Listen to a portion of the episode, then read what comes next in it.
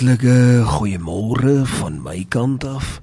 Liewe lekker FM vriende, nou ja, wat 'n eer. Is daar 'n groter eer as om ingeskakel te wees om jou Bybel in jou hand te hou en om die Here se saak vanmôre te bevorder om jou ore te open om te luister dat die Here praat soos wat hy wil praat. Daar is nie 'n groter eer en daar is nie 'n groter voorreg as om dood eenvoudig stil te wees. Want die woord van die Here sê dit vir ons so: Wees stil en weet ek is God. En miskien vanmôre moet ons dit vir mekaar sê terwyl ons al ons mense bymekaar maak wat al reeds wakker is en hulle daar in 'n lekker rustige vertrek in te neem en dat ons daar gaan sit en erns meen met die saak van die Here om te sê Here ek gee die volgende 15 minute dat U met my kom praat. Dat U in my hart kom spreek Here dat U in my binnemens 'n afdruk kom plaas. Dat U wil kom bekend maak in my lewe. Miskien is dit dalk die regte metode. Miskien is dit die manier waarop ons dit vandag moet doen. Miskien moet ek en jy vandag sê kom ons gryp hierdie oomblik aan. Miskien dalk net sal ons nooit weer hierdie geleentheid kry nie. Kom ons fokus op die Here. Kom ons sê ook soos 'n Joshua van ouds, ek en my huis, ons sal die Here dien. Was my baie treffend. As 'n mens gaan lees daar, kom Joshua en hy kom eintlik en hy sê vir die manne daar, hy sê weet jy wat, julle kan maar doen net wat julle wil. As julle besluit om iets te doen wat nie geoorloof is nie, weet dat daar definitief reperkusies sal wees. Daar sal sekerlik 'n uitkring op die moeilikheid wees, maar sover dit my en my gesin aangaan, ons prys die Here. Laat ons vandag dit doen. Dit was my so kosbaar om gisteroggend met al ons lekker FM luisteraars te praat, spesifiek ook daar uit Spreuke 18:10 waar ons gepraat het oor die naam van die Here wat 'n sterk toring is. Is daar enig ander behalwe die naam van ons hemelse Vader? Hy wat hemel en aarde geskaap het. Sy naam alleen is 'n sterk toring waarheen ek kan hardloop waarheen enige mens kan hardloop want 'n toring sien ons van ver af en enige mens sien hom want hy toring uit bo enige iets en ons kan daarheen hardloop want daar is my God. Hy is daar. En as ek hardloop hardloop ek in sy arms in maar nie net in sy arms nie. Ons hardloop onder sy vleuels in onder sy vlerk in. En dan sal hy ons behoed. Wat 'n groot voorreg ek wil vanmôre vir jou vra dat jy jou Bybel oopmaak en ek wil baie graag vir ons lees daar uit 2 Samuel 22 baie maklik ook om dit te onthou. 2 Samuel 22 En ek wil baie graag vir jou net hierdie een enkele sinnetjie lees en dan wil ek bid dat die Here sy woord sal seën. Kom ons lees dit vanmôre saam uit die woord van die Here. 2 Samuel 22 vers 32. Want wie is God buiten die Here en wie 'n rots buiten ons God? Ek wil dit herhaal as ek mag. Want wie is ons God buiten die Here? En wie is 'n rots buiten ons God? Tot sover die woord van die Here. Kom ons sit net so. Dan sluit ons die oë en bid saam. Hemelse Vader, koning bo alle konings, bovenal is U.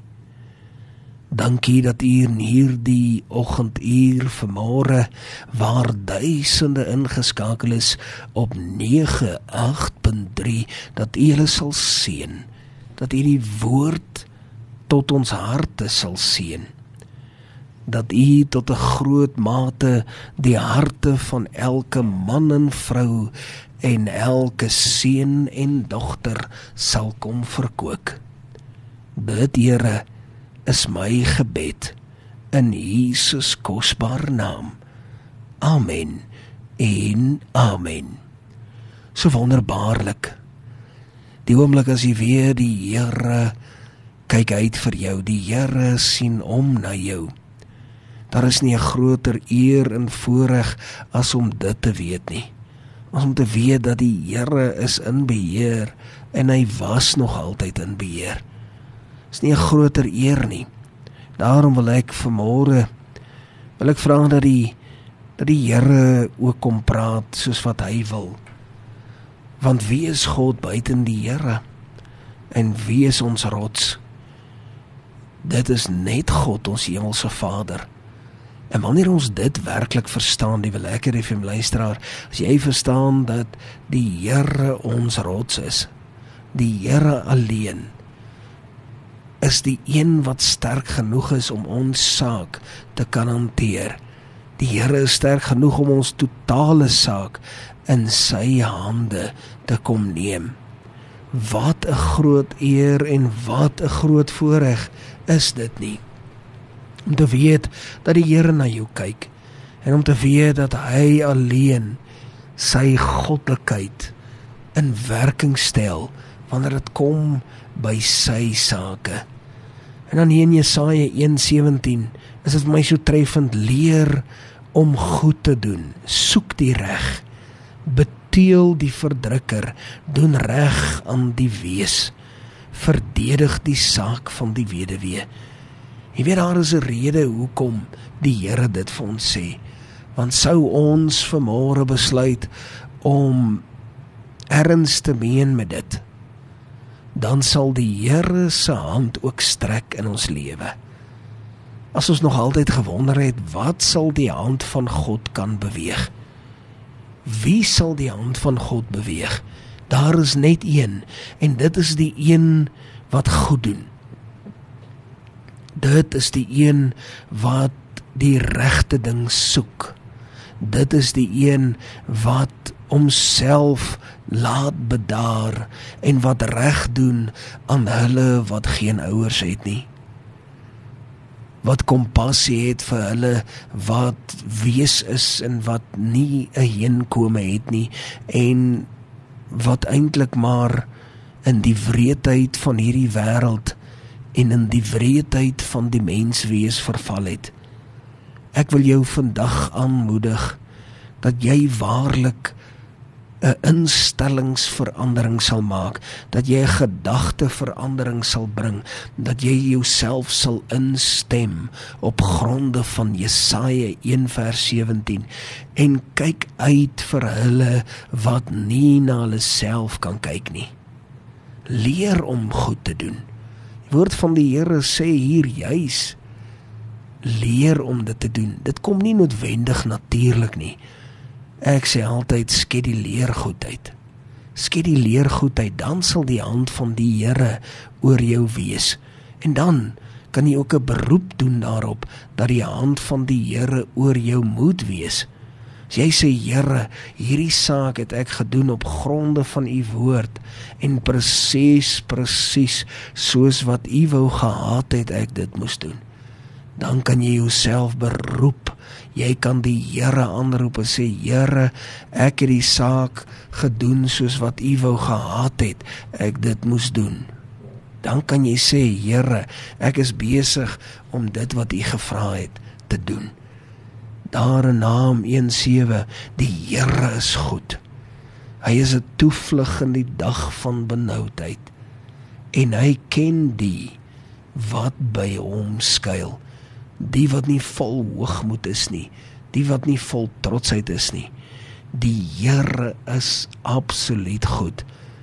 Daar is niks wat sleg is rondom die Here nie. En dis 'n verklaring. Dis 'n verklaring wat Nahum hier maak. En ek maak dit saam met Nahum vandag dat die Here is goed in sy wese binne in sy attribute opgesluit binne in die DNA van die Here is hy goed. En dan is hy 'n toevlug. Wanneer wanneer ek hom nodig het, wanneer dinge moeilik raak, wanneer die pad baie duister raak, wanneer dit voel ek begin afbeweeg in 'n dal in, dit is dan wanneer ek besef dat die Here my toevlug is. En die Here ken jou in daardie omstandigheid. As jy die Here aangryp met alles binne in jou, sê die woord van God, dit is dan wanneer die Here jou ook ken en weet presies wie jy is, wat jou naam is, as jy bereid is om hom te ken. Hy ken die wat by hom skuil. Kosbaar, kosbaar, kosbaar en ek haas myself hier na die einde toe, maar nie voordat ek vanuit die tweede brief van Timoteus hoofstuk 4 vers 18 aan jou voorgehou het nie.